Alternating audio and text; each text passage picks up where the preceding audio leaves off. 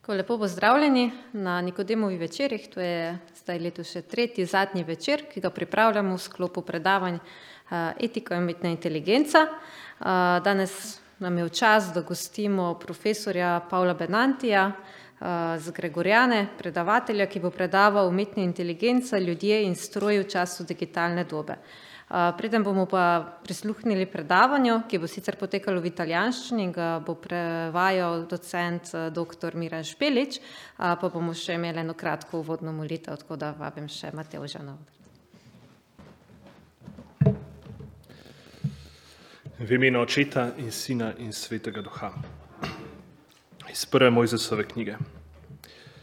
Bog je rekel: Naredimo človeka po svoji podobi, kot svojo podobnost. Gospoduje naj ribam morja in pticam neba, živini in vsej zemlji ter vse laznini, ki se plazi po zemlji. Bog je ustvaril človeka po svoji podobi, po božji podobi ga je ustvaril, moškega in žensko je ustvaril. Bog ju je blagoslovil in Bog jima je rekel: Bodite rodovitna in množita se, napolnita zemljo in si jo podvrzita. Gospodujte ribam v morju in pticam na nebu ter vsem živalim, ki se gibljajo po zemlji. Bog je rekel: Glejte, dajem vam vse zelenje s semenom, ki raste po vsej zemlji, in vse sadno drevje, katerega sadje nosi seme. Naj vam bo v hrano. Vsem živalim na zemlji, vsem pticam na nebu, vsemu, kar se giblje po zemlji in ima v sebi življenje, dajem v živež vse zelene rastline. Zgodilo se je tako. Bog je videl vse, kar je naredil, in glej, bilo je zelo dobro. In bil je večer, in bilo je jutro šesti dan. Slava Očetu in Sinu in Svetemu Duhu.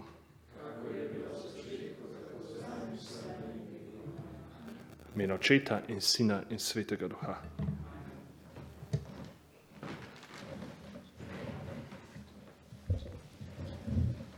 Bene, buonasera, eh, perdonatemi ma io più dell'italiano non vado, quindi ci sarà Dober un- večer, Eh, več kot italijansko ne znam in se upravičujem za to. Eh, però volentieri sono qui eh, per eh, con voi fare questo percorso nel chiederci Z qual è, veseljem sem prišel k vam, da bomo skupaj prehodili to, to pot, ko se bomo spraševali, qual è il senso dell'umano in un'epoca in cui la macchina è capace di prendere decisioni come l'uomo. kakšen smisel, je, člo, kakšen smisel ima človeškost v času, ko je tudi že stroj sposoben eh, sprejemati neke odločitve za človeka. Ma cominciamo eh, da una prospettiva metodologica. Začnimo s neko eh, metodološko perspektivo. Eh, Come parlare di questo tema? Kako naj govorimo o tej temi? E per rispondere a questa domanda vi propongo un pezzo di un'opera teatrale. Da bi odgovorili na to vprašanje, vam eh, predlagam tukaj le en delček iz eh, gledališke predstave. Eh, partiamo da La vita di Galileo di Bertolt Brecht. Imamo tu pred seboj eh, življenje, Galilejevo življenje Bertolda Brehta. Eh, a un certo punto, di fronte al principe, il matematico e il filosofo, che Da. non credono a quello che Galileo dice, Pred seboj imamo eh, un principe, se pravi eh, vladarja, matematico, matematika in, filosofo. in filozofa. So, vladarja, matematika, filozofa, ki ne verjamejo temu, kar govori Galilejo. Galileo è lì sul palco e grida una cosa al pubblico. Galileo je na odru in kriči, upije proti publiki. Io vi prego, guardate. Prosim vas, glejte. E quindi facciamo la stessa cosa. Per parlare di questo Naredimo torej tema, isto, da bi govorili o tej temi, guardiamo. glejmo.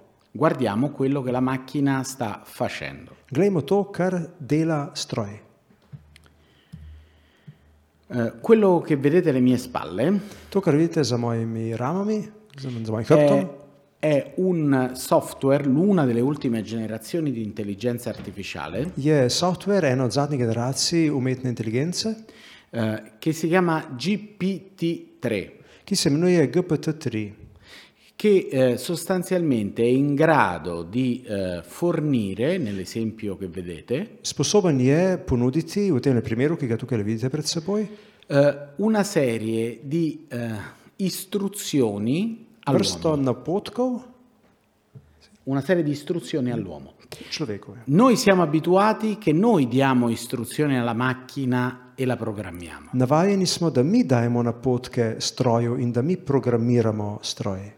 Ecco, eh, ma qui la macchina insegna all'uomo come fare un compito che non sa fare. Tu pa se obrne vloga, ustroj uči človeka, kako, kako naj opravi neko nalogo, ki je sam ne zna.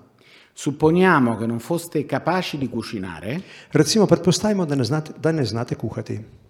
ecco, la macchina vi dice come fare una torta di In cioccolato, poglejte, stroj vas nauči, kako naredite čokoladno torto, passo dopo passo, korak za korakom, in una serie di istruzioni che noi riusciamo ad eseguire. v zaporedju napotkov, navodil, ki jih lahko potem mi, ki smo jih sposobni eh, izvajati.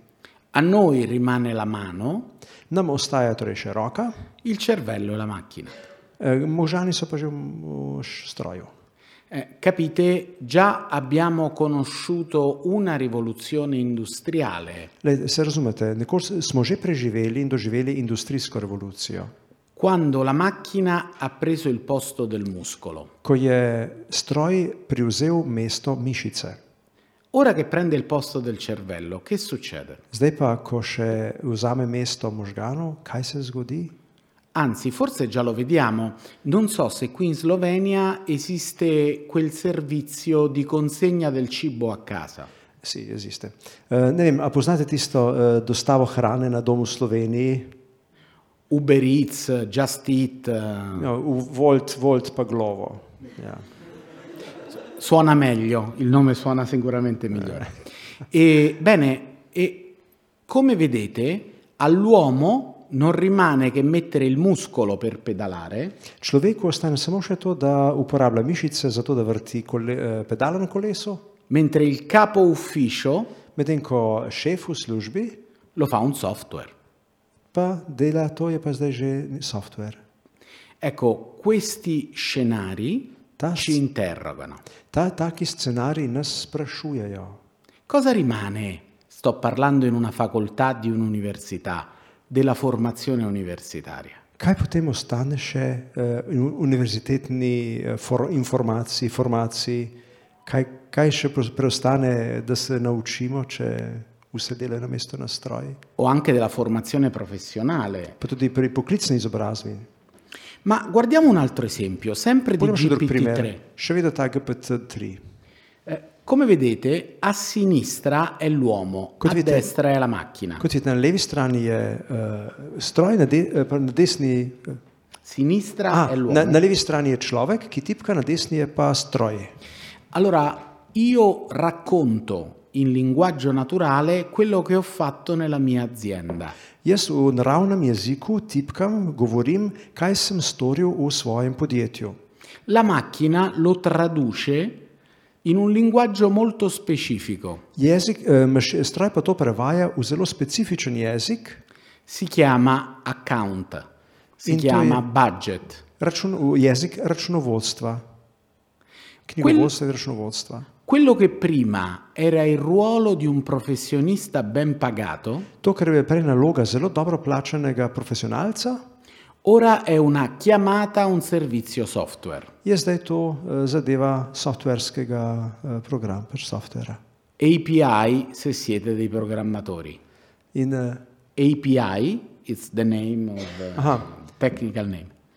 to, pač, aj, Ma quello che vedete è impressionante. to v bistvu je zelo impresi, impresivno. Zelo. GPT-3 è stato addestrato GPT-3 je bil naučen, nekako vzgojen, v- streniran, con 150 miliardi di parametri. 100, 150, se pravi, unesen je bilo, naučen je bil s eh, 150 milijardami parametrov. che sono più o meno tutte le parole disponibili in internet. To come so numero. pravzaprav skoraj vse besede, ki so dostopne na internetu. E GPT-3 è stato capace di riconoscere delle isole dentro il linguaggio. In ta program GPT-3 je sposoben najti neke vrste otoke v, znotraj jezika. Un'isola è l'italiano, Eh, un'isola Yeah. è l'italiano, Ena, en otok je recimo italijanščina, un'isola è lo sloveno, drug otok je slovenščina, un'isola è il linguaggio naturale, En otok je naravni jezik, un'isola è il linguaggio professionale dok otok je profesionalni jezik, recimo tak, eh, rač, računovodski jezik. e come oggi ho un servizio traduttore da Google, In kot imam na voljo danes eh, prevajalsko uslugo na Google ali na Diplu, recimo, domani potrei avere un accountant da GPT-3. jut, jutri bom pa lahko imel tak GPT-3 računovodja. Kot jaz imam prevajalca na, na Google, ime bom lahko tudi računovodja na Google. Prima però era un laureato, Prej je bil to nekdo, ki je imel diplomo, ora è un software. zdaj pa je to software. Ma guardiamo ancora di più come cambia il lavoro. Poglejmo si še naprej, kako se spreminja delo.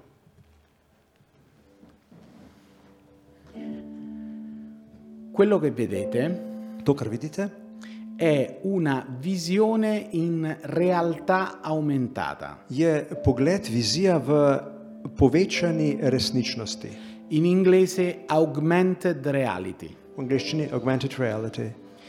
Ed è di fatto l'informazione e i dati Je dejansko informacija o poda s podatki, che diventano parte della realtà ki postanejo del resničnosti e si possono sovrapporre alla realtà. in se lahko nadgradijo eh, nad resničnost.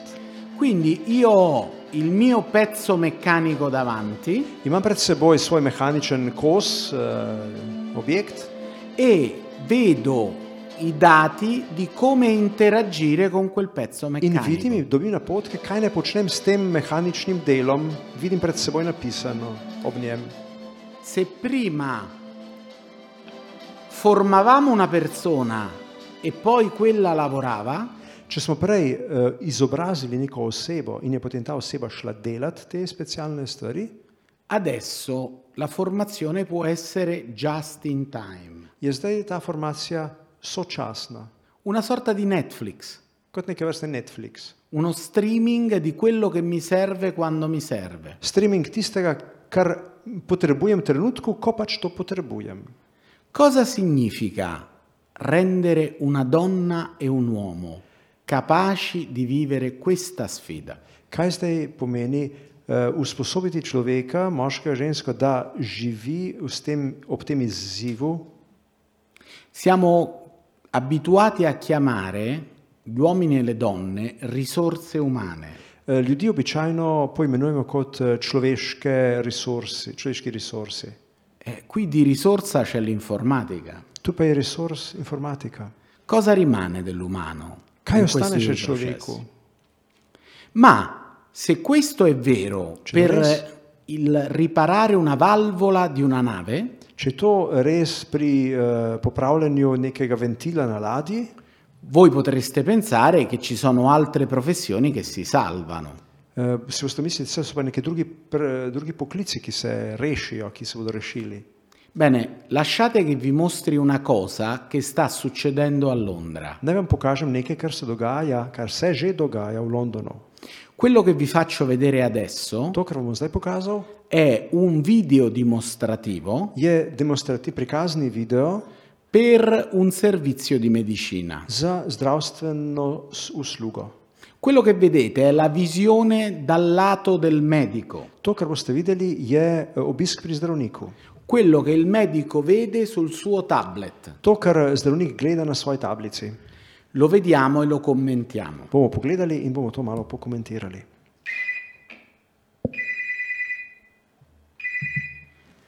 Come ciascuno di noi ha imparato durante la pandemia, Kot vsi mi smo se naučili v času pandemije, possiamo fare delle video call. lahko naredimo tudi vid videoklice. Questa è una video call che raggiunge il medico. To je videoklic, ki eh, pozove zdravnika. Hi Louise, my name is Dr. Kontak Archer.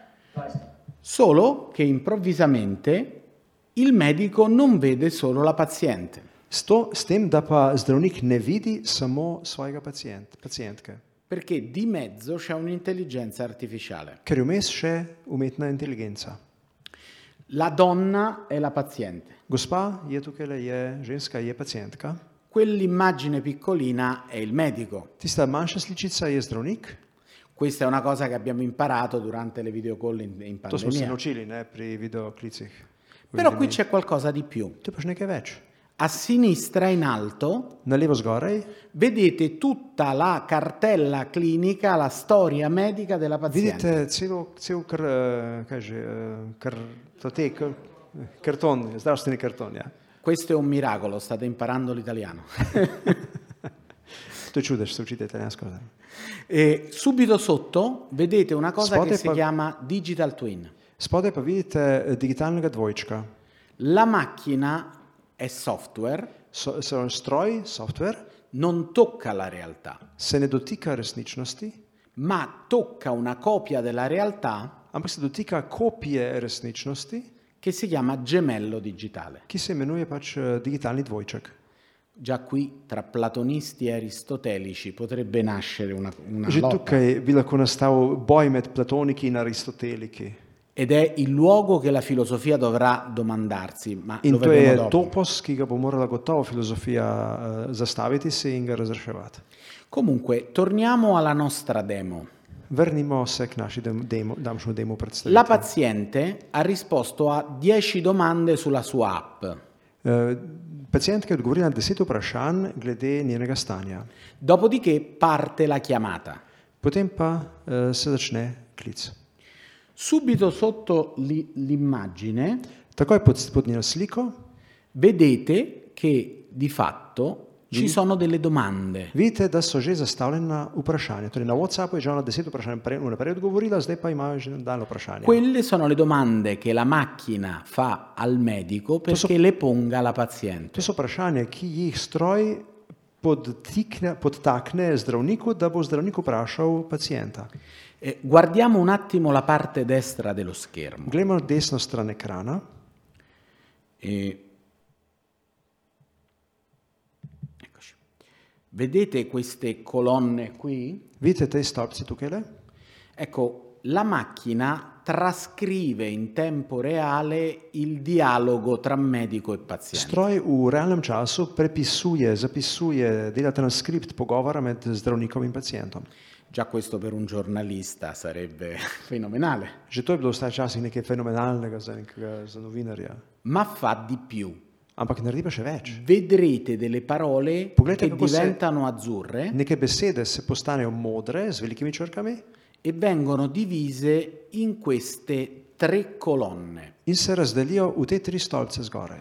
È una matrice di diagnosi. To je neka matrica za diagnozo. Mi fa male la testa, Gla, boli me glava, è un mio problema. to je moj problem. HPI, la prima colonna. KPI, prvi, sk- prvi sklop, prvi stolpec. I miei sintomi. Moji simptomi. Faceva male anche a mamma e a nonna. Eh, Tudi imamo in staro mamo je tako bolelo. È un sintomo familiare. To je družinski simptom. No, non faceva male a nessun mio parente, Ali pa niko, nobenega od mojih sorodnikov ne boli tako. ma fa male a tutti quelli che abitano nella mia via. Ampak eh, tako boli vse tiste, ki živijo v moji ulici. Genetica o inquinamento? Ali tukaj le gre za genetiko ali gre za onesnaženje. Questo è il concetto che c'è dietro. To je koncept, ki je tukaj za tem stoji. Bene, proviamo adesso a Poskusimo vedere zdaj pogledati, come va questa diagnosi. kako se oblikuje diagnoza. I must meet you. So I continue Vedete la trascrizione che va avanti Poglejte, kako gre naprej transkripcija. e ogni tanto le parole che si illuminano. Vsake toliko časa se besede posvetlijo. Vedete che è comparsa una striscia rosa e Bravi dei se- punti sulla faccia della paziente. Poglejte, kako se na obrazu pojavijo pikice in črtice na obrazu pacijenta. Chi di voi si fiderebbe a vedere un medico a distanza? Kdo, bi, ki, divo- eh, kdo od vas bi, bi, bi zaupal? Bene, la macchina dice al medico come sono le vostre emozioni. Aha. Kdo od vas bi zaupal uh, nekim čustvenim reakcijam nadaljavo, tale stroj pa ugotavlja in pove- pove zdravniku, kako se počuti, kakšno je razpoloženje pacijenta. Così vi può tranquillizzare. Tako se lahko pomiri. Se nei rider per il cibo, se nei consegnatori di cibo Ah. Aha, če, pri, če tisti, ki vam dostavljajo hrano, a noi rimaneva la fatica del muscolo, Če potisnemo stala pri nas, recimo bolečina v eh, utrujenost v mišicah, qui nella medicina tukaj v medicini, a noi rimane la consolazione emotiva, eh, ostane eh, emotivna tolažba. la cognizione è della macchina. Spozna, eh, se- se- La cognizione è della macchina. se spozna, spoznanje vodi tukaj le stroj. Nam ostane samo še eh, tolažba, čustvena tolažba. E eh, guardate Poglejte, come va avanti la kako gre diagnosi. naprej diagnoza. If you do get dizziness, how long do the symptoms last? Um, a few hours at a time, I'd say. Really? Yeah. Okay. Piano piano la macchina riconosce le domande che ha fatto il medico e come la paziente ha risposto. Postopno stroj prepoznava vprašanja in uh, pacijenta, eh, vprašanja zdo- zdravnika in odgovor pacijenta. E sotto statisticamente la diagnosi cambia. In spodaj se spreminja potencijalna diagnoza. Tell me about your symptoms. For example, have you had any headache, any weakness, any numbness? Gli sta chiedendo altri sintomi. Sprašuje po drugih simptomih, According to our records, you also had glandular fever a few months ago. Storia medica passata. potem pa še anamnezo, Great. pretekle stvari. Test results from back then, they all came back normal as well. Great. So I would agree with our AI assessment. E qui In è tutto, eh? arrivato un momento chiave. Je prišel ključen trenutek. Ha detto sono d'accordo con la diagnosi della macchina. Strinjam se, soglašam z diagnozo, ki jo je postavil stroj. È la macchina che fa la diagnosi e il medico è d'accordo. Stroj je postavil diagnozo, zdravnik pa se s tem strinja. E dice alla paziente che il grande dolore in testa In pove pacijentki, da tista velika bolečina v glavi è solo una questione muscolare. je samo stvar mišične, mišic. Ci crederà la paziente? A bo pacijentka verjela? No, no chance now. And you're not allergic to any medications? Guardate che cosa, la sua immagine Poglejte na njeno posliko, e guardate di cosa si accorge la macchina. poglejte, kaj opazi stroj, È arrabbiata da se je razjezila. e il medico gli chiede va tutto bene? In zdravnik vpraša, je vse v redu? E lei gli dice mi sembra più serio di così. In ona pravi, se mi zdi bolj resno tako. Ja. E lui gli spiega che non c'è da preoccuparsi. In on mi razloži, da s- ni razlogov, da bi bila zaskrbljena. E gli dice guardi anzi per essere sicuri dopo facciamo un secondo esame quando va tutto In potem bene. jo potolaži, se bomo, bomo še enkrat pregled naredili kasneje. Un click e tutto il dialogo En klik in ves ta dialog è diventata una cartella clinica. je postal zapis v eh, zdravstvenem kartonu.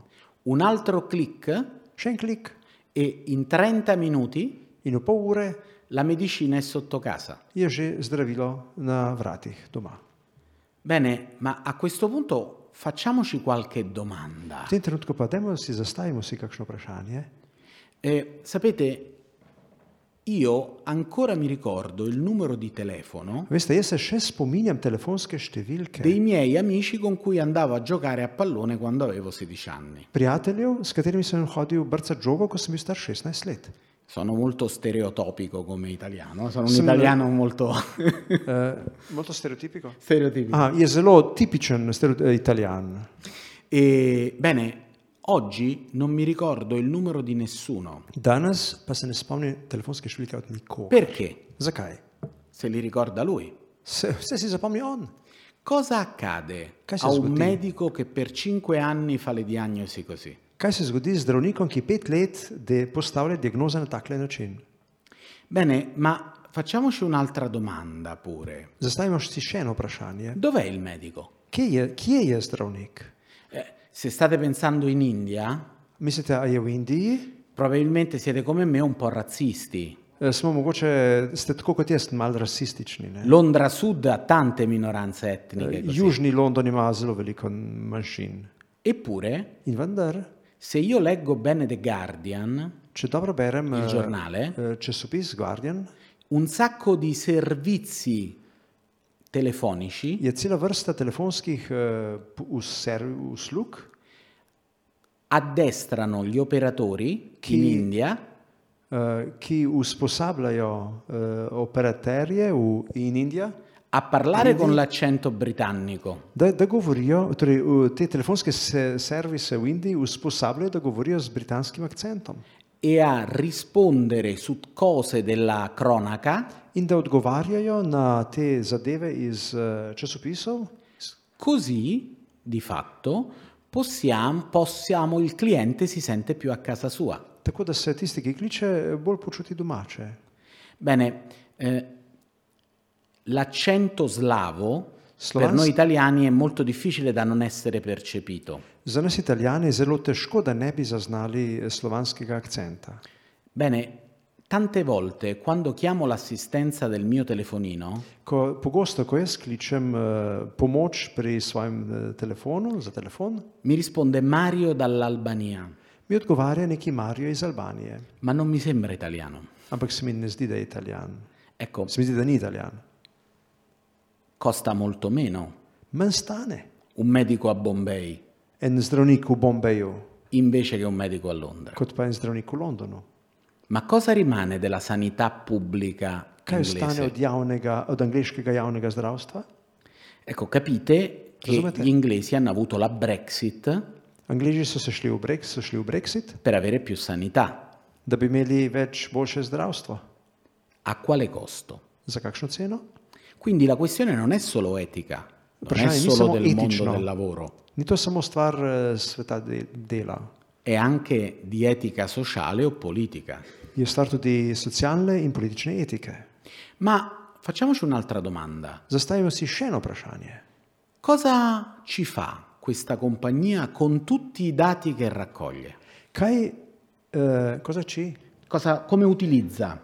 A, Come utilizza? kako uporablja eh, vse te podatke kompanija, družba, ki ji mi dajemo vse te podatke? Eh, può diventare in grado Lahko, si bo- lahko postane sposobna, se pravi, lahko se usposobi ta družba, di sapere come evolve la malattia dei pazienti in Inghilterra. da se nauči, kako se razvija recimo, bolezen eh, v nekega pacijenta v Angliji. Parti dall'ipertensione, Eh, izhaja iz točke. a- alta pressione del sangue, Aha, eh, iz visokega pritiska, se, začne se z visokim pritiskom, poi arrivi a problemi cardiaci prihaj, prideš potem do srčnih problemov, s, eh, kardioloških problemov e poi magari hai un problema cerebrale. in na zadnje še do cerebralnega problema. Se siete un'assicurazione, Če se, se siete un'assicurazione, eh, ja, se, ampak se, sjed, se, a če ste vi zavarovalnica, ja, pagherete quei dati come loro, bi plačali za take podatke z zlatom, a prezzo della salute degli inglesi. za eh, zdravje anglišov. Ma ancora di più, Še več? io posso sapere quale sarà il farmaco di cui ci sarà più necessità il prossimo anno Lahko zvem, lahko ugotovim, katero zdravilo bo naslednje leto najbolj iskano. e fare degli investimenti o delle speculazioni. In investiram ali pa da špekuliram s tem v zvezi. C'è anche un trasferimento di potere all'interno della società. Obstaja tudi transfer, prenos oblasti znotraj družbe. Quello che prima era un potere dello Stato, To, kar je prej bila oblast moč države, ora diventa un potere di una compagnia privata. je zdaj postalo moč neke privatne družbe. Pensate alla corsa nello spazio. Pomislite na eh, vesolsko tekmo. Negli anni 70 era una gara tra le nazioni più potenti del mondo. V 70-ih letih je, bil to, je bilo to tekmovanje med najmočnejšimi svetovnimi silami. Oggi ci va SpaceX, una ditta privata, Elon Musk. danes pa Elon Musk s svojim SpaceX eh, tekmuje in se gre v vesolje. Ha più potere di una nazione, Ima več moči kot neka država, solo che non obbedisce alle leggi dello Stato. samo da mu ni treba slediti in obogati, eh, biti pokoren državnim Ma- zakonom, alle leggi del mercato. ampak zakonom trga.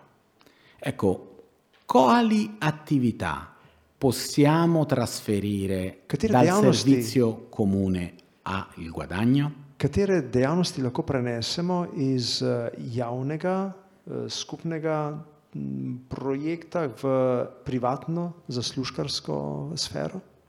Bene, questo non è solo il futuro, To ni samo prihodnost, ma è il presente. to je sedanjost. Questa foto l'ho fatta io sotto la metropolitana di Londra. Tale eh, oglas sem naredil na eh, londonski podzemni železnici. E cosa Sem dice la fotografiral. pubblicità? In kaj pravi ta reklama? Perché con una vita tanto piena di impegni Zakaj v življenju, ki je tako polno raznih dolžnosti, dobbiamo pure metterci la visita dal medico? zakaj bi šli še k zdravniku? Subito, Takoj. immediatamente, Takoj, quando vuoi, kadar hočeš. come la consegna del cibo. Tako kot eh, naročiš hrano na Voltu. Perché andare a cercare un ristorante? Zakaj bi šel iskat neko restauracijo?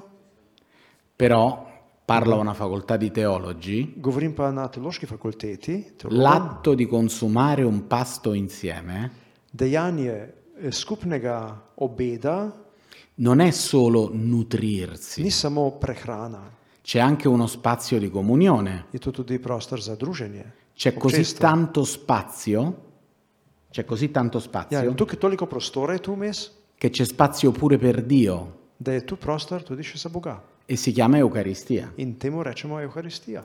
Se lo riduciamo semplicemente alla necessità di Če nutrirci, to reduciramo samo na potrebo po hranjenju, po prehranjevanju, abbiamo scambiato il senso smo zamenjali smisel, pomen per l'efficienza. z učinkovitostjo. Cosa possiamo fare di questo tipo, delle attività umane? Kaj lahko naredimo s to vrstnimi človeškimi dejavnostmi? Rispetto a un ordine mendicante, Eh, Glede na to, da na eh, uboštveni red, oba pripadava temu, ne, la macchina non si stanca. eh, stroj se ne utrudi. I frati vogliono andare a dormire. Eh, Medtem ko pa frateri pa hoče iti spat. Prendiamo dei robot. Bomo pa vzeli robote. Un prete robotico, sai quante messe fa? Torej, Pomislite si, koliko maš bi lahko odmaševal en eh, robot, duhovniški robot. Sto, sto scherzando, Se chiaramente. hecam, upam, da razumete. Però improvvisamente la domanda dalla macchina passa all'uomo. Cosa fa dell'uomo un uomo? In, eh, ampak hitro se tukaj zastavi vprašanje, kaj se pa tukaj dogaja, K- eh, koza, fa, Cosa fa di un uomo un uomo? kaj človek naredi človeku. Eh, dicevamo oggi, se nel cambio d'epoca tra Medioevo e Rinascimento Če, eh, d- danes smo se o tem pogovarjali. Če je pri prehodu, ob, pri zamenjavi obdobij iz srednjega veka v re, renesanso o, o anche nell'età moderna, ali pa tudi prehod v moderno dobo, un filosofo, Grozio, če je tam takrat lahko filozof Grotius si è iniziato a chiedere začel spraševati, cosa voleva dire fare ragionare ut si deus non daretur, Ja, če lahko si zastavi vprašanje, ali se lahko razmišljamo, ali si lahko zamislimo, kaj pa če Boga ne bi bilo. e la fine di questo processo è stata l'uccisione di Dio con Nietzsche, In uh, konec tega procesa je, bilo ubit, uh, je bil umor Boga s strani filozofa Ničeja. oggi potremmo ragionare Dare ut stupore si homo esistono? non daretur. Kaj pa če človeka ni E quali saranno gli effetti? in kakšen bo tukaj učinek? Ecco, e allora dal vedere chiediamoci cosa significa. In iz tega uh, pogleda, lahko, uh, z tega vprašanja, se lahko zdaj zastavimo, kaj to zdaj pomeni. Partiamo da dove tutto questo mondo ha avuto origine. Iz, uh, poglejmo si, odkje kje izhaja ta način uh, pogleda na svet.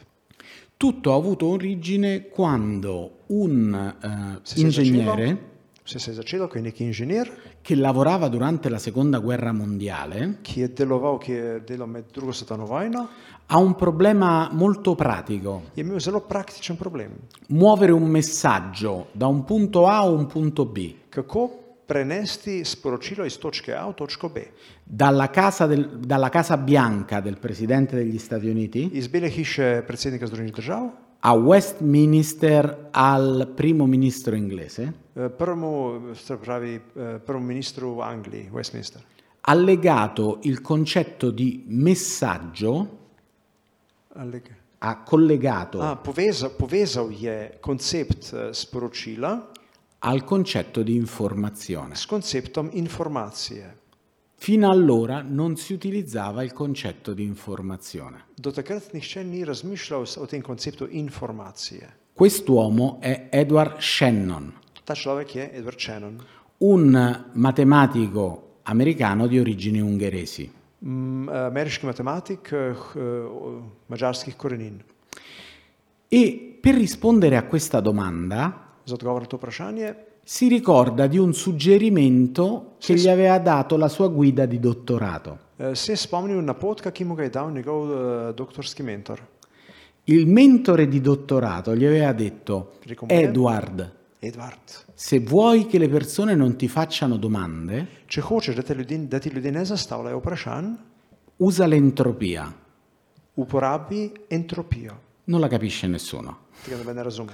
Bene, eh, non so quant'è il vostro background in fisica, Ne vem, koliko ste kaj eh, domači s fiziko, però la fisica dell'Ottocento, del Novecento, ampak fizika 19. in 20. stoletja parla di cose che non si vedono. govori o stvarih, ki se jih ne vidi. Elettricità, Elektrika, magnetismo, magnetizem, calore. toplota. Ecco, per definire l'entropia, Da bi definirali entropijo, Maxwell je Maxwell usa un esperimento mentale. uporabil mentalni eksperiment. Perché se noi mettiamo un gas caldo e un gas freddo in Zakaj? una scatola, Zakaj, če damo m, topu in mrzlu plin v neko škatlo, si mischiano zakaj se smešata? e non rimangono separati, In zakaj ne ostaneta ločena? che è l'entropia? In, ker je, to je pač entropija. Maxwell dice, Maxwell pravi, perché rimanessero separati, ker bi ostali ločeni, avremmo bisogno di un piccolo de- demone eh, da bi, ne, pardon, narobe, da bi ostali ločeni, bi potrebovali mehkega demona, che fa passare le molecole calde ki bi eh, tople molekule e respinge quelle fredde. prenesel, prenesel čez in bi odbijal hladne. Per separare il caldo dal freddo Da bi ločili mraz od eh, toplote, abbiamo bisogno di lavoro, potrebujemo delo.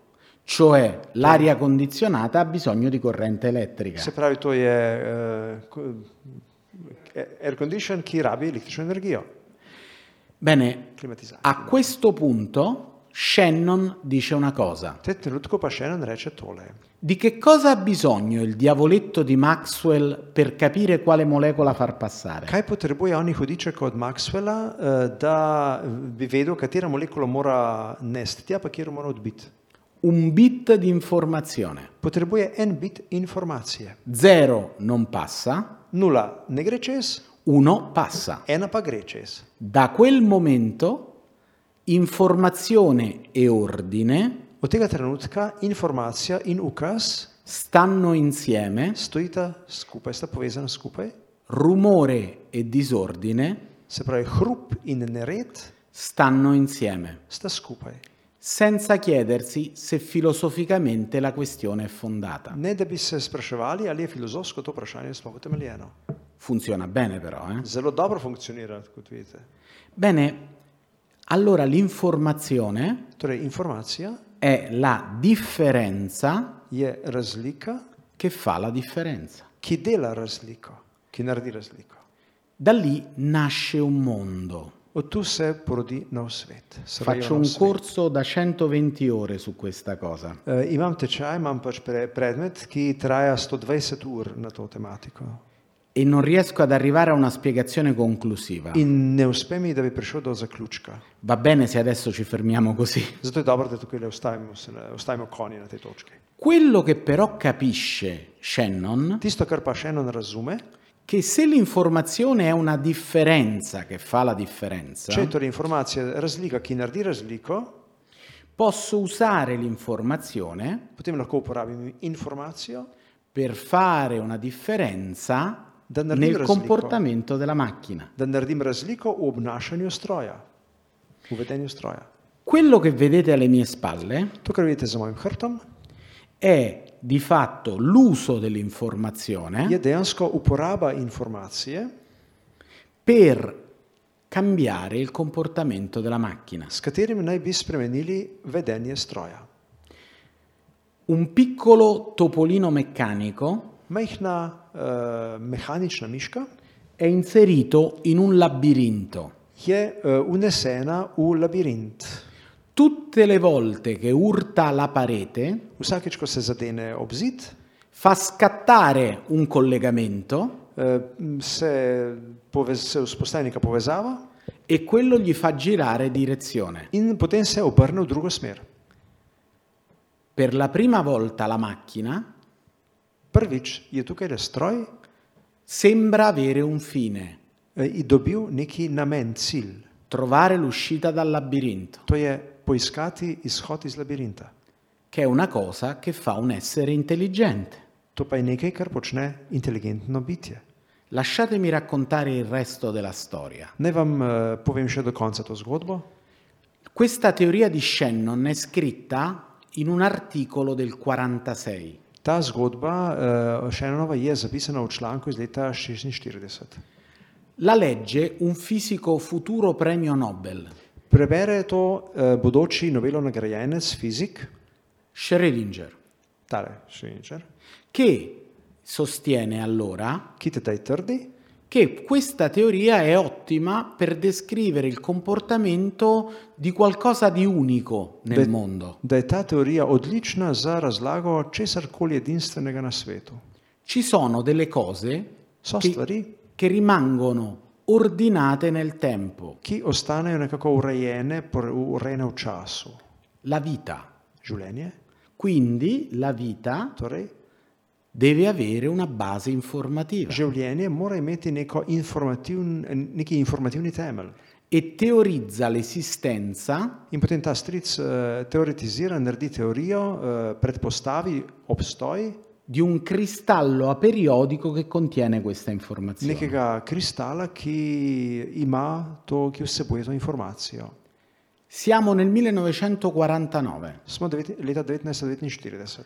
Due giovani medici Dva, eh, dve znanstveni reviji, z- medicinski znanstveni reviji, leggono Shannon. a be, a dva bereta, eh, due, Leggono Shannon. Torej, dva tipa bereta še eno članek, Ascoltano Schrödinger, poslušata eh, Schrö- Schrödingerja iniziano a cercare quell'informazione. in začnete iskati to informacijo. Nel 1952 Leta 52 non trovano nessun cristallo, ne najdete nobenega kristala, ma trovano una doppia elica, najdejo pa dvojno vijačnico, il DNA, DNA, che sta dentro ogni vita. ki je znotraj vsakega življenja. Da allora la vita è qualcosa che codifica ed elabora informazione. In od tega naprej je življenje nekaj, kar kodificira in elaborira tudi to informacijo. Ma allora esistiamo o funzioniamo? Torej, ali mi obstajamo ali funkcioniramo. Ecco che vita e macchina iniziano a stare in tensione tra di loro. Življenje in stroj se posebej nekako povežeta. La domanda fino adesso è solo tecnica, non Vprašanje je samo filosofica. tehnično, ni filozofsko. 60 anni dopo, 60 let zatem quella tecnica è diventata un diluvio, je ta tehnika postala pravi po- potop dobbiamo farci domande filosofiche e teologiche. in si moramo zastaviti filozofska in teološka vprašanja. L'intuizione di Shannon Intuicija, ki jo je imel Shannon, viene formalizzata da un suo collega, to je formaliziral njegov kolega Norbert Wiener, Norbert Diner, il quale chiama l'uso dell'informazione per cambiare il comportamento di una Tau- macchina Ta eh, poimenuje uporabo informacije, z- ki naj bi spremenila ravnanje stroja, loop cibernetico, kibernetsko zanko. un sensore Senzor dà un'informazione dalla realtà, da informacijo o resničnosti quell'informazione cambia il comportamento della macchina. in ta informacija spremeni ravnanje vedenja stroja. Siamo così abituati a questo modo di vedere la tecnica Tako smo navajeni na ta način ravnanja tehnike, che non ci facciamo più caso. da tega sploh ne zaznamo več. Questo ha introdotto l'automazione elettronica delle macchine. To je upeljalo, vneslo avtomat, avtomatiko v stroje. Quando attraversiamo le porte di un ascensore, Ko eh, stopimo skozi vrata dvigala, interrompiamo un fascio di luce. prekinemo žarek, La porta non è intelligente e non ci schiaccia, vrata niso pametna in nas ne stisnejo, ma reagisce a un loop cibernetico. ampak s- reagirajo vrata dvigala, reagirajo na kibernetsko zanko. Eh, Roomba, il robottino che pulisce da solo casa, Eh, Ta eh, s, s, eh, robotski sesalec, ki sam čisti stanovanje, è la versione contemporanea del topo di Shannon. je samo moderna oblika še ene nove miške. abbiamo iniziato a fare una macchina che sembra avere un fine. Začeli smo izdelovati stroj, ki, za katerega je videti, kot da ima neki smisel namen sostituendo le cause finali di Aristotele in nam zamenja finalne tele, eh, namerne ka- vzroke pri Aristotelu, molto difficili da capire ki se jih je težko razumeti, con una serie di causalità circolari. z vrsto zaporedjem eh, cirkularnih vzročnosti. A causa B, A povzroči B, B causa C, B povzroči C, C causa A. C povzroči A. Una società gestita dall'informazione Družba, ki ji vlada informacija, potrebbe non avere cause finali, lahko se zgodi, da, ne, im- da nima več finalnih vzrokov. cioè la libertà. S tem pa je povezana tudi svoboda. Ni več Sembra che i svobode. cinesi l'hanno capito bene. Mislim, da so Kitajci to dobro razumeli. Mogoče bi nas tudi. Ma un'altra membro di quel club A Ehm, Med drugim pa eh, člani tega kluba era una donna brillantissima. je bila tudi zelo brihtna ženska.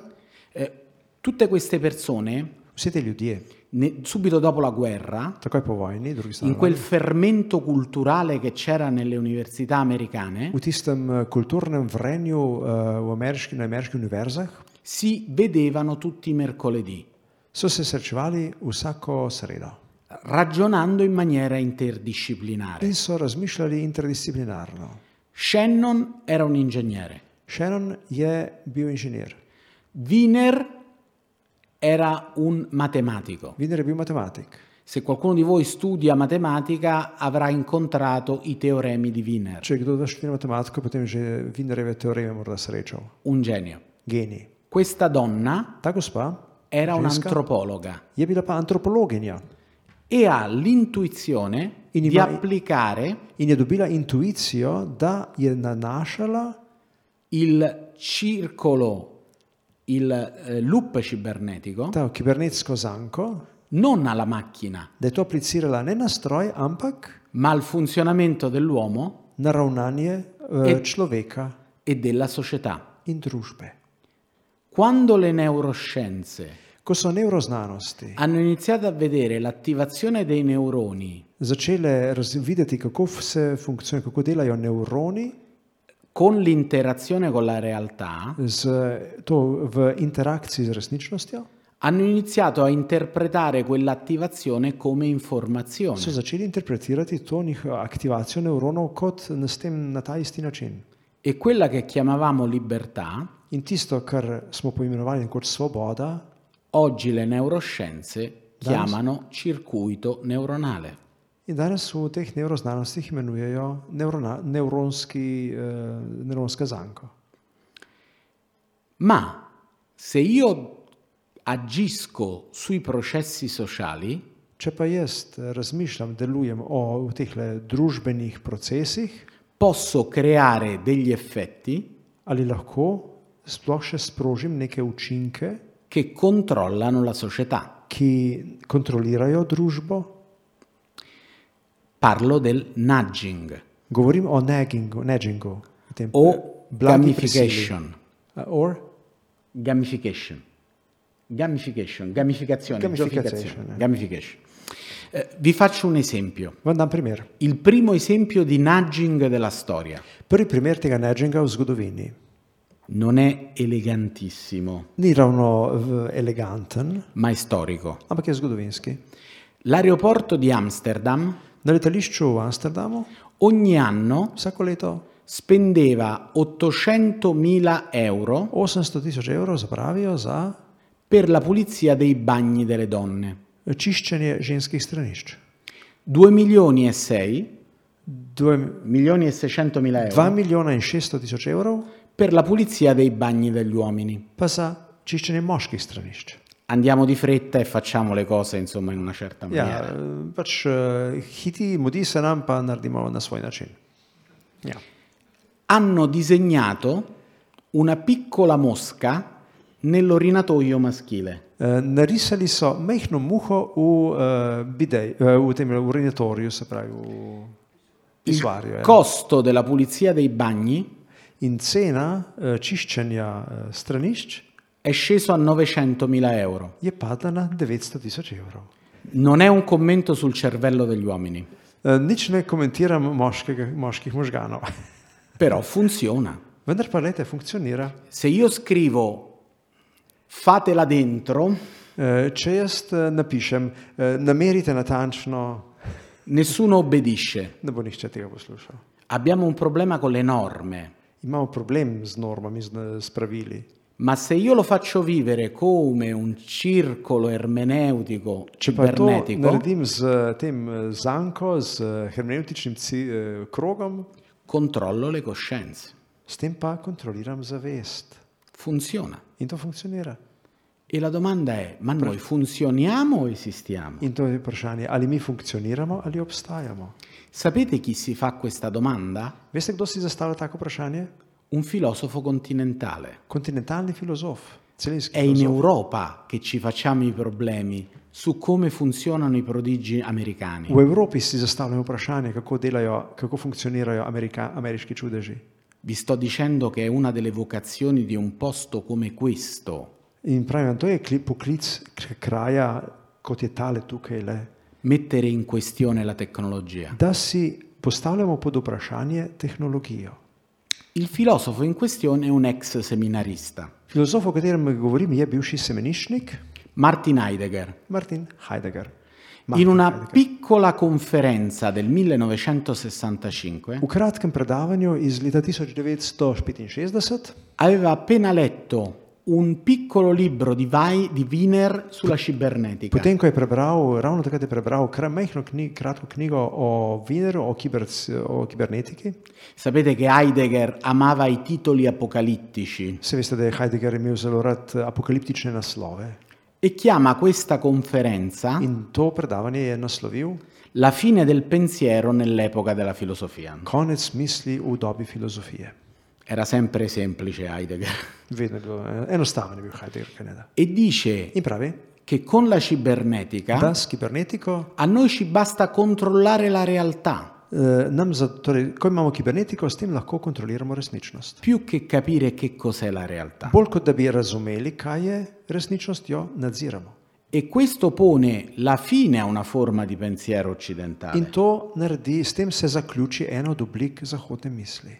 e intuisce una cosa che nel 65 nessuno poteva vedere. In leta 65 je z intuicijo prišel do neke stvari, ki je še nihče ni mogel takrat si zamisliti in videti. Se l'uomo è informazione Če je človek informacija e la macchina è informazione, in če je stroj informacija, è l'uomo che fa da sensore alla macchina, je, l'uomo che fa da sensore alla macchina nel loop cibernetico, ali je človek tisti, ki da. eh, smi- eh, Ki je senzor, a, ali je človek senzor za stroj, o è la macchina che fa da sensore per l'uomo? ali je stroj senzor za človeka? Chi controlla chi? Kdo kontrolira koga? Quando vediamo un giovane con un telefonino, Ko vidimo mladeniča ali mladenko s, telefo z eh, mobilnim telefonom, è il suo dito che controlla il telefonino ali je njegov prst tisti, ki kontrolira, ki nadzira telefonček, o sono le notifiche del telefonino che controllano il giovane? ali pa so tisti sporočila telefona tiste, ki nadzirajo, kontrolirajo človeka. È nata l'economia dell'attenzione. Eh, Rodila se je pač ta ekonomija pozornosti. Non ho modo di andare oltre in questa direzione, Ne morem iti naprej v tej smeri, ma stasera vivo il privilegio ampak nocoj imam eh, ta privilegij, di fare le domande. da si zastavljam vprašanja. Le risposte spettano a tutti noi come comunità accademica. Odgovori pa so dožnost vseh nas kot akademske skupnosti. E allora la domanda Torej, vprašanje è anche sul senso di una parola che oggi va tanto di moda. je tudi uh, o smislu besede, ki je danes, dan danes zelo moderna. Oggi parliamo di innovazione. Danes govorimo veliko o inovacijah. Siamo sicuri che è positiva? Smo prepričani, da je to nekaj pozitivnega. L'innovazione è fare qualcosa meglio. Inovacija pomeni, da naredimo nekaj boljšega. Una bomba atomica Naprimer, atomska bomba è molto innovativa rispetto a una pistola. je zelo inovativna glede na neko pištolo. È meglio? A je boljša? Allora, l'innovazione è ambigua. Inovacija je torej dvoumna. Abbiamo già ce- rischiato di cancellare l'umanità Smo že tvegali, da, bom, da bi zbrisali, uničili vse človeštvo. con una tecnologia molto stupida, Zelo neumno eh, tehnologijo, la bomba atomica. atomsko bombo. Cosa potremmo fare con una tecnologia intelligente? Kaj pa bi lahko naredili z neko pametno tehnologijo? Ecco, ora la riflessione Riflessi- filosofica e teologica, Teologica. antropologica e eh, epistemologica Teološka, filozofska, antropološka in epistemološka refleksija si fa etica. postaja etična, postaja etika. Vstopa na področje etike. Quello che vi faccio vedere alle mie spalle To, kar vam kažem, tukaj za svojim hrbtom, è un processo innovativo. je inovativen proces. È Fifth Avenue a Manhattan. Gre za peto avenijo na Manhattnu, A sinistra, na levi strani, nel 1900, iz leta 1900 ci sono solo cavalli. so samo konji. A destra, Na desni strani, nel 1913, leta 1913, ci sono solo macchine. so samo še avtomobili. Ho lavorato un po' per trovare le foto per questa sera. eh. E, sem se kar malo potrudil, da sem našel te slike za nocoj. Meglio o peggio? A je to bolje ali slabše? Che direste voi? Kaj bi rekli vi?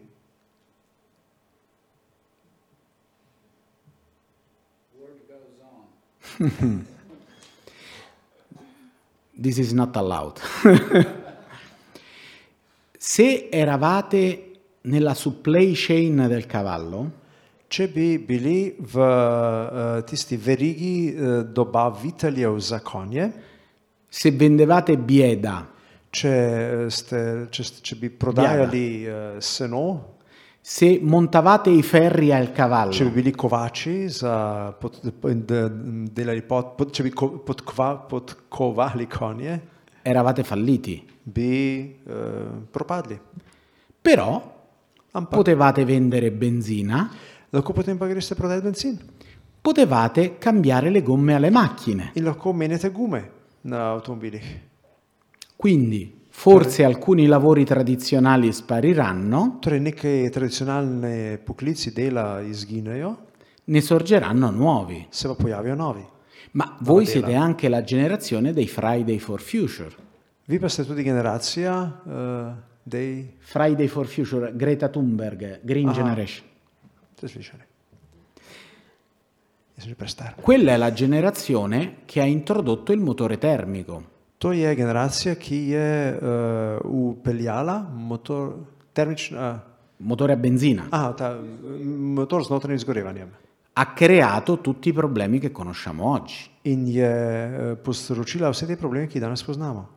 Però, Ampak, se voi fosse stati abitanti di New York nel 1913, če bi bili eh, prebivalci New Yorka leta 1913, nel 1907 de- 1907. leta il New York Times je New York Times ha pubblicato un articolo. objavil članek, L'anno prima le- leto predtem 20.000 newyorkesi 20 tisoč Newyorčanov erano morti je umrlo, per malattie associate alle infezioni umrlo zaradi bolezni, ki so povezane z infekcijo. prodotte dalle mosche connesse ai rifiuti del cavallo. ki so povezane z eh, muhami, ki so eh, se množile zaradi konjskih fig. È difficile dire cosa è meglio e cosa è peggio, Težko reči, kaj je boljše, slabše. soprattutto nel 1907. Še posebej leta 1907. E noi siamo la generazione Mi che posso- deve decidere sulla digitalizzazione della vita. Mi pa smo zdaj generacija, ki se mora odločiti o digitalizaciji življenja. E allora dobbiamo cambiare domanda. Torej moramo zas- eh, spremeniti vprašanje. Che tipo di domanda dobbiamo fare? Kakšno vrsto vprašanja si moramo zastaviti? Ho bisogno di un esempio. Rabim primer. Dobbiamo fare una domanda che è una domanda di etica della tecnologia. Zastaviti smo vprašanje, ki zadeva etiko tehnologije. Questa è la prospettiva che mh, con la mia riflessione io sto portando nei miei insegnamenti e nei miei libri. To je perspektiva, ki jo hočem p- posredovati v svojih predavanjih in svojih knjigah. Quello che vedete alle mie spalle Tu za mojim hrbtom vidite, non è una foto vera, To ni resnična. Però mi serve per fotografija, parlare di una storia. Ampak mi pa lahko služi, da ob njej povem neko zgodbo. Se voi andaste a Manhattan, Če New greste York, eh? v New York, Manhattan, lo skyline della città poznate tisto skyline mesta? è stato fatto da un politico, Ta, ta skyline je naredil neki politik, Richard Moses, Richard Moses. come Lubiana che è stata disegnata dai politici cambiando ponti, Kot cambiando... Ljubljana, ki so jo naredili s tem, ko so eh, gradili mostove, Bene. uli- zastavili ulice. Questo politico ha costruito i grandi grattacieli, Ta politik je dal zgraditi visoke nebotičnike, i porti, eh, pristanišča, i tunnel tunele spodaj e poi un'autostrada a sei corsie, in potem avtocesto s šestimi eh, pasovi, la Parkway, Parkway, che connette Manhattan a Long Island, ki povezuje eh, Manhattan z Long Islandom, dove c'era la sua spiaggia preferita, Johnson Bridge. kjer je bila njegova priljubljena plaža Johnson Bridge. Noi sappiamo come lui la pensava Vemo, kako je, to raz, vemo, kako je razmišljal, perché Robert Caro ker je Robert Caro ha scritto un libro di mille pagine napisal knjigo s tisoč stranmi che ha vinto un premio Pulitzer eh, za Pulitzerjevo nagrado tudi su di lui. o njem. E lui aveva un'idea politica Imel je politično idejo, oggi ki inaccettabile, je danes povsem nespremljiva. all'epoca molto condivisa. Takrat pa je bila splošno sprejeta. La parte migliore della città Najboljši, najlepši del mesta doveva essere per quelle persone ritenute migliori. je treba rezervirati za najboljše ljudi. Allora che cosa fa? Kaj je torej naredil? Fa sì che il treno non arrivi a Long Island Tako je eh, o- onemogočil, je, da bi vlak vozil na Long Island e la Parkway in Parkway, ta avtocesta. ha i ponti in cemento armato, Ima eh, mostove iz be- armiranega betona, due piedi 60 cm più bassi dello standard. ki so eh, za dva čevlja nižji od standardov. Gli autobus non possono passare. Avtobusi ne morejo iti pod tistimi nadvozi te Solo chi ha avtoceste. una macchina riesce a passare. Samo osebni avtomobili lahko tam vozijo. E all'epoca solo la white middle class In samo- aveva una macchina. Belci srednjega razreda so imeli avtomobile v tistem času. Ecco, là dove tutto il mondo vede solo asfalto e cemento armato, Tam, kjer vsi vidijo samo cement in uh, armiran beton, da eticisti, da persone che coltivano le scienze filosofiche e teologiche, kot etiki, ki gojijo uh, teološke, filozofske discipline, dobbiamo riconoscere che ogni artefatto tecnologico è Moro- una forma di potere, è una forma d'ordine. Ja, Moramo priznati, da je vsak, eh, ki oni, Artefatto tecnologico a, da, da je vsak eh, tehnološki izdelek je tudi enostavno è una forma di potere, je oblika moči, oblasti è una forma d'ordine. in neka oblika reda ali ukaza. Non è più solo il cemento armato. To ni samo armiran beton, Ma gli algoritmi dentro un computer ampak eh, algoritmi znotraj računalnika dicono chi Proprio. passa e chi non passa, določijo, kdo bo šel in kdo ne bo šel naprej. chi ha un prestito e chi non ha un prestito, Kdo ima, eh, kdo ima dolgove, kdo nima dolgov. chi ha una medicina e chi non ha una medicina. Kdor, do- kdor ima in kdor nima nekega zdravila. Si tratta di mettere in questione la tecnologia. Torej, da se, gre za to, da se treba se postaviti pod vprašaj to tehnologijo. La nostra vita non funziona e basta. Naše življenje ne samo funkcionira in konec. La tecnologia non funziona e basta. Tehnologija ne samo funkcionira in potem konec. s tem. Toccando il mondo dell'uomo, Ko se to dotakne človeškega sveta, produce un nuovo dispiegamento del mondo dell'uomo. to odpre nove sfere v človekovem življenju ha un effetto antropologico. in ima antropološke učinke. E allora la domanda sulla tecnologia Vprašanje o tehnologiji torej deve aprire questa scatola nera mora odpreti to črno skrinjico, per far vedere cosa si muove al suo interno da vidi, kaj se tam notri dogaja, kaj se premika. e questo va gestito. In to je potrebno upravljati. Facciamo un altro esempio. Še en primer vzemimo. L'uomo a sinistra Človek tukaj na levi è Samuel Insul. je E, eh, Samuel Insul. Samuel Insul si traduce Samuel Insul. ja, vsega slišali. È l'uomo che ha fondato General Electric Company, Je človek, ki je ustanovil General Electric Company, che ha portato l'elettricità agli americani ki je prinesel elektriko Amerikancem. e ha detto io voglio democratizzare la corrente In elettrica. je rekel, jaz želim demokratizirati električni tok. Abbasso il prezzo, Znižam ceno più persone la potranno usare. in več ljudi bo lahko to uporabljalo. L'immagine a destra, Na desni strani pa imate podobo, che normalmente quando la proietto nessuno capisce, eh, quando, Quando la faccio a, vedere. ko, jo, da- ko jo tukaj pokažem, nihče ne razume. ma voi siete in grado di leggere un po' di Vi pa cirillica, mogoče razumete, kaj je cirilice, vse nekateri. è tratta direttamente Eh, dal primo, Schematična karta elektrifikaciji Rusiji. è, è il Goelro Plan, To je Gojerov načrt, eh, è il primo piano quinquennale di Lenin, prva Leninova petletka, il quale diceva ki je rekel, che la Russia sarebbe stata sovietizzata da bo Rusija sovjetizirana takrat grazie alla corrente elettrica. po zaslugi električnega toka. Non esiste una tecnologia neutrale, Torej, ne obstaja neka neutralna tehnologija. è una disposizione di realtà che porta con sé una visione del mondo e dell'uomo. Eh, S tem se je povezana vizija sveta in človeka.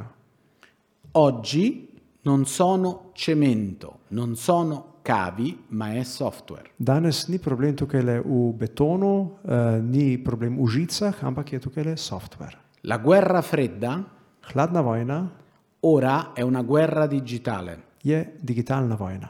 e abbiamo due modelli, Imamo dva modela, un modello nordamericano severnoameriški model e un modello cinese. in kitajski model. Forse non ci sarà più la cortina di ferro, Morda tu ne bo več železne zavese, ma la cortina di bambù. b- ampak bo eh, zavesa iz bambusa. Internet la dividiamo, Internet, eh, ga ima, da dvignem. la, la dividiamo, la rompiamo. Aha, eh, se pravi, razdelimo internet. Ci sono dei filtri. Obstajajo filtri. Bene, come reagire a tutto questo? Kako se odzvati na vse to? La mia proposta Moj predlog è quella di costruire, realizzare je ta, da zgradimo, da uresničimo un nuovo capitolo dell'etica. novo poglavje etike. Non una nuova etica, eh, Ne nove etike kot take, ma un nuovo ampak capitolo. novo poglavje etike. L'etica è sempre un qualcosa di umano. Etika je zmeraj nekaj človeškega. Ora però deve Esatto. anche essere capita Zdaj dalla pa, macchina, je, zdaj pa jo mora razumeti tudi stroj. cioè deve essere computabile. To pomeni, etika mora biti komputabilna. Questo To significa pomeni creare un'algoretica. v, narediti algoritiko. Vi confesso una cosa. Eh, Moram vam spovedati se ene stvari. Quando Priznati eno stvar. dicevo algoretica, Ko sem rekel algoritika, vedevo tanti sorrisi. sem opazil kar nekaj nasmeškov. Poi non so come, un giorno il Papa l'ha usata pure lui. In potem ne vem kako to, čez nekaj časa jo je začel uporabljati tudi papež. E io mi sono dovuto convertire, In sem se moral spreobrniti. perché tutti mi dicono, ah, ripeti le cose del Papa, Eh, ker so mi vsi rekli, a ti ponavljaš za papežem. per la mia umiltà. Eh, s- sem potem pa to, da malo moje Scherzi ponižnosti. a parte, Eh, scherzi a do, parte. dovolj šale. è urgente un contributo a questa stagione Noi, che noi, noi eh. come cristiani possiamo dare. To je nujen prispevek, ki ga v tem času kristijani moramo dati. Tutta la riflessione della dottrina sociale della Chiesa V vas, vsa refleksija eh, krščanskega socialnega nauka è ricca di questa umanità ferita dall'innovazione tecnologica. je polna eh, teh diskursa od, o ranjeni človeškosti zaradi tehnologije. Spetta a noi evitare che accada di nuovo. Naša dolžnost je, da te stvari postavimo na novo. Ma vorrei qui adesso rispondere a una possibile obiezione. Tu pa bi rad odgovoril še na, neko, mo- na neki možni ugovor. L'etica è nemica degli affari? ali je etika sovražnica deli, Business. a, eh, sovražnica so, biznisa? Ja? Forse c'è qualche economista qua. Mogoče je tukaj kakšen ekonomist. Bene, per rispondere a questa domanda Da bi odgovoril na to vprašanje, ho bisogno di una metafora. potrebujem metaforo. Prendiamo Central Park. Poglejmo tukaj le centralni park. Se il vostro modo di fare affari Če vaš način, eh, kako delate biznis, è l'edilizia, je- a, Costruire je, če case. ste eh, gradbinci, Central Park je centralni park lo potreste capire čista zguba. Lahko razumete, come una no business zone. je kot neka eh, prostor, kjer ne morete opravljati svoje funkcije, svojega biznisa. E allora No business zone. l'etica è nemica degli affari. Algoretika je sovražnica biznisa. Ma guardiamo meglio questa, zo- Poglejmo questa pa, dob, metafora. poglejmo pa bolje to cono. Central Park è stato costruito a fine Ottocento. Central Park je bil narejen konec 19. stoletja. È costata quella terra Ta zemlja je stala 5 milioni di dollari. 5 milijonov dolarjev. 1600 persone ci hanno lavorato 1600 ljudi je tukaj delalo, per 8 anni. 8 let. L'ultima valutazione di Central Park Zadnje ovrednotenje centralnega parka pa è je del 2005 iz leta 2005, 2005 e vale 500 miliardi di dollari. 500 milijard dolarjev.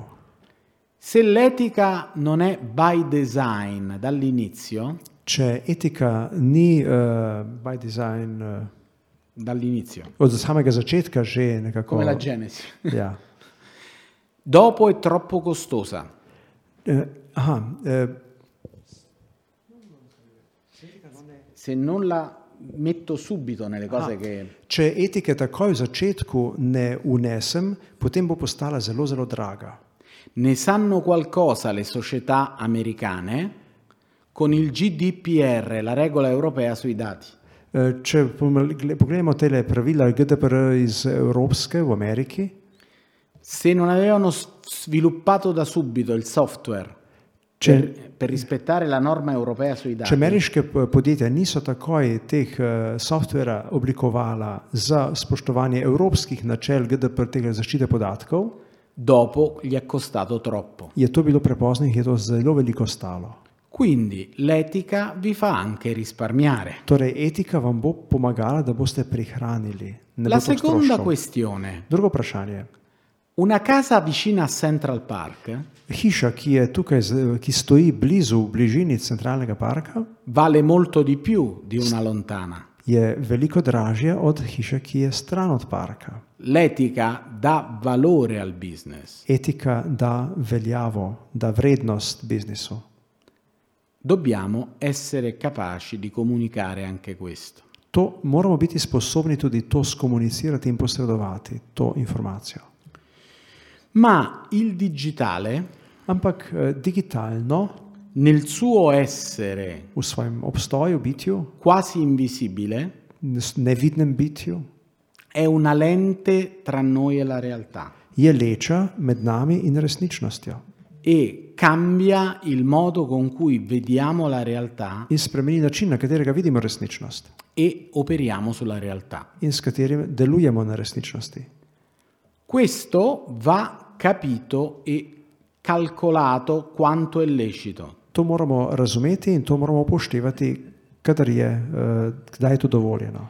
Pensate alla medicina, Pomislite na medicino. non è più medico-paziente, Tu ni več odnos med zdravnikom in pacijentom, ma è medico-software-paziente. ampak je zdravnik eh, software in pacijent. Cosa rimane Che ostane? della figura del medico? Kaj ostane od podobe zdravnika? E poi c'è il nudging, In potem je še ta ne- nudging, questa spinta gentile. ta prijazno pe popehanje. Ecco, il potere degli algoritmi di intelligenza artificiale Moč algoritmov, moč eh, umetne inteligence è che predicono quello che succede. je ta, da že napoveduje, eh, kaj se bo zgodilo. Se io applico questi algoritmi alle vibrazioni di un motore, Če apliciram te algoritme na vibriranje nekega motorja, l'algoritmo predice quando il motore si sta per rompere Mi bo algoritem eh, izračunal, kdaj bo ta motor se pokvaril. kdaj bo e mi počil. manda dal meccanico prima che rimango per strada. In me pošlje k mehaniku, prej preden mi eh, avto se ustavi na cesti.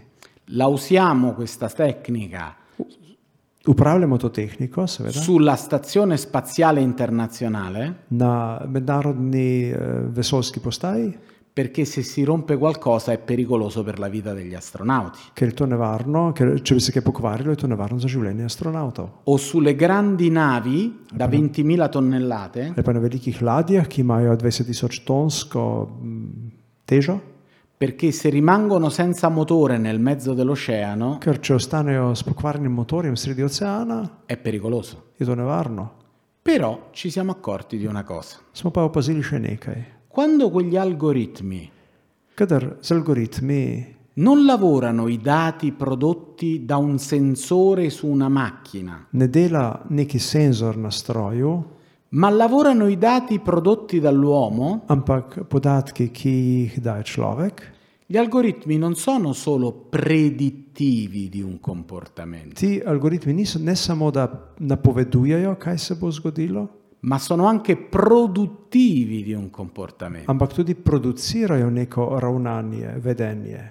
Quando eh, c'è Amazon qua, sì?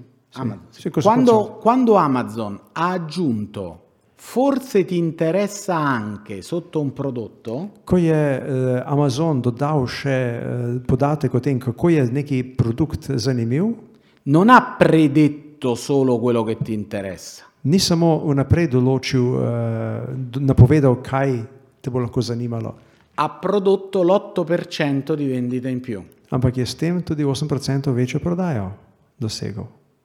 Hanno un effetto sul nostro comportamento Ima perché non vpliv na siamo naše macchine. ravnanje, Perché non siamo macchine. ker nismo stroji. La libertà, anche se non teorizzata dalla Svoboda, cibernetica, Čeprav kibernetika ni teoretizirala o svobodi, ni- ne govori t- teorija kibernetska o svobodi, pa vendar è una caratteristica inestinguibile dell'essere je umano. to nekaj, kar česar v človeškem bitju ne moremo ugasniti. Chi ha sofferto sotto un regime politico che nega la libertà Kdo je trpel pod eh, političnim režimom, ki zanika svobodo, lo sa molto bene. to zelo dobro ve. Questi algoritmi, inoltre, Ti algoritmi, poleg tega, vrhu tega, še sono abbastanza complessi. so zelo, eh, so precej zapleteni. Sono una famiglia So kot nekakšna družina, più che un tipo, bolj kot, eh, un, un solo tipo. bolj, bolj kot samo ene vrste, ja, so cela v- družina teh tipov. ja. je. Gli algoritmi più promettenti oggi Najbolj obetavni eh, algoritmi danes sono quelli in alto a sinistra, so tisti eh, zgoraj levo, neural nets e deep learning. jih vidite. Bene, se noi prendiamo un algoritmo molto tradizionale, Če vzamemo neki zelo tradicionalen algoritem, come l'albero delle scelte, kot recimo drevo izbiranja, izbire, l'albero delle scelte è l'algoritmo che sta dietro ogni GPS, sistema di navigazione. ja, alber, eh, torej, da drevo izbiranja je način, ki ga ponuja vsak eh, GPS eh, navigacija. Ogni possibile scelta Vsak eh, možni eh, izbor È un ramo dell'albero. Je giro kot- a destra o je- giro a sinistra. je iz- veja na drevesu, ali z- grem na desno ali grem levo. Alla fine Na koncu sommo i rami più corti so eh, vedno krajši, krajše veje e ho la strada più veloce. in imam, eh, moja pot je hitrejša. È molto spiegabile, To je lahko razumeti. ma a volte fa degli errori clamorosi. Včasih pa naredi tudi strašne napake. Ti dice esci per poi rientrare da un'autostrada Ti potem da, pojdi ven z avtoceste in pojdi nazaj na avtocesto, perché risparmi 100 metri. ker boš prihranil 100 metrov. O ti dice gira a sinistra Ali pa pravi, zavina levo, e la strada è piena di traffico. Poi è un po' una cesta, poi una prometa. Un attimo, io mi ricordo io, eh, eh, ma me se ne izkušnjo, smo šli po ravni cesti, po It- Italiji. ja. Eh, ravna cesta, ne enkrat z avtobusom. Jaz sem rekel, gremo dalje. Ne, šofer je ubogal urgi GPS, izvi na desno, pa na levo, pa še enkrat levo, pa na desno. Eno hišo smo samo obšli, eh, ker bi najbrž tam en takle, eh, nekoč bila neka cesta, najbrž tam zaprta, pa nas je okrog pelal, okoli en kratek obvoz. Non c'è GPS che possa predire la pazzia degli italiani. Ni GPS che mi lahko predvidel neumnosti italijanov. Bene, non è molto accurato nella predizione, Ni zelo natančen pri predvidevanju, ma riusciamo a capire perché sbaglia. ampak eh, uspe nam pa razumeti, zakaj se moti. Il deep learning, Globoko učenje, quello che batte l'uomo a qualsiasi gioco, tisto, ki premaga človeka pri katerikoli igri, ha una predizione di un'accuratezza enorme, ima, 98%. ima 98-odstotno točnost napovedovanja. Come il sistema di diagnosi medica che avete visto prima. Kot recimo tisti sistem dia, zdravstvene diagnoze, med, medicinske diagnoze, ki ste ga videli prej. ma non ha spiegabilità formale. Nima, pa- ne da se ga pa formalno razložiti. Se aprissi questo algoritmo, Če bi odprl ta algoritem, troverei solo numeri senza senso. bi videl tam samo številke brez smisla. Posso affidare scelte di vita e di morte a questo sistema? Ali lahko zaupam, izročim izbiro eh, za življenje in smrt eh, takemu sistemu? Dall'inizio della nostra cultura, Od začetka naše kulture, medico, giudice e prete zdravnik, sodnik in eh, duhovnik sono persone speciali all'interno di una comunità, so posebne osebe znotraj neke skupnosti, perché impegnano tutta la loro vita a fare bene questa professione. ker vse življenje posvetijo temu, da dobro opravljajo svoj poklic. Che differenza c'è tra questo e una macchina? Kakšna razlika je med tem in strojem? Basta l'efficacia di predizione? Ali je dovolj učinkovitost predvidevanja? Tanti si dicono che Perché? se un algoritmo in media sbaglia meno di un medico, Če nekateri pravijo, vse to, če je res, da eh, ta algoritem se v poprečju manjkrat zmoti kot eh, zdravnik, meglio l'algoritmo. potem grem rajš k algoritmu kot k zdravniku. Ma quando sbaglierà con te, Ampak če pa s- pri tebi se zmotil, lo accetti? jo boš spre- ga boš sprejel, Perché no? zakaj ne? Se non sai rispondere, Cioè, non lascia riusciamo a pure te. dire la differenza tra uomo e macchina. Če ne znaš odgovoriti, ne bomo znali odgovoriti na vprašanje, kakšna je razlika med strojem in človekom. Ut si homo non daretur. Kot da človek, si lahko predstavljamo, da človeka ni La sfida del nostro tempo. izziv našega časa. La sfida è ridire l'uomo Izziv je, da znova opredelimo človeka, cioè ridire la creatura, to je, da znova povemo, kaj je to ustvarjenina, cioè pensare che c'è un creatore To je, da predpostavimo, da obstaja neki stvarnik, che ci dà un fine, ki nam da neki namen, smisel. che non siamo figli delle cause. Da nismo samo otroci nekih eh, vzrokov. Questo è un compito teologico. To je teološka naloga za teologijo. Dobbiamo chiederci che cosa rimane delle competenze, Vprašati se moramo, kaj ostane od kompetenc, come formare le prossime generazioni di ragazzi. kako oblikovati naslednje generacije mladih. Vorrei chiudere questa mia discussione con voi Rad bi zaključil to svoje razpravljanje z vami con due cose un po' provocative. z dvema bolj provokativnima zadevama. La prima è questa. Prva je tale. L'innovazione ci affascina. Inovacija nas eh, zaprepas. Za, Questo prepara. robot costa 700.000 euro Tale robot stane 700 tisoč evrov e riesce a mettere le mele dentro una cassetta. in mu uspe, da zloži jabolka v gajbico. Un lavoro che prima faceva solo l'uomo. Prej je samo človek lahko kaj takega naredil. Ma guardate che con pochi centesimi Ampak pogledajte, kako z komaj nekaj cen- centimi ho lo stesso effetto.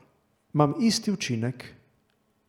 Non è detto che l'innovazione serva sempre. Ni rečeno, da inovacija vedno koristi. Questo è una genialità. To je nekaj genialnega. Un'altra questione è questa. Drugo vprašanje je tole. Quando ci troveremo di fronte Ko se znajdemo s pričo,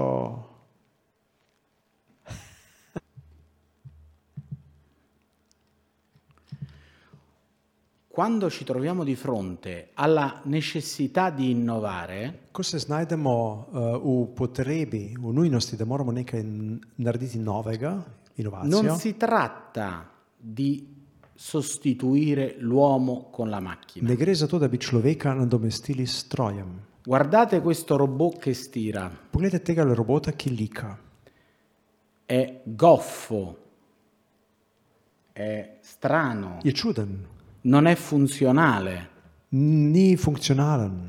Una nuova forma di tecnologia Nova oblika tehnologije ci chiede di ripensare i processi, pa eh, nas, zaht- od od nas zahteva, da na novo izumimo, oblikujemo proces. E Postopek. ripensare i processi In ko inventiramo richiede postopke, un'idea di umano, to eh, zahteva, un'idea di umano, di umanità, Esatto. un'antropologia, un'antropologia.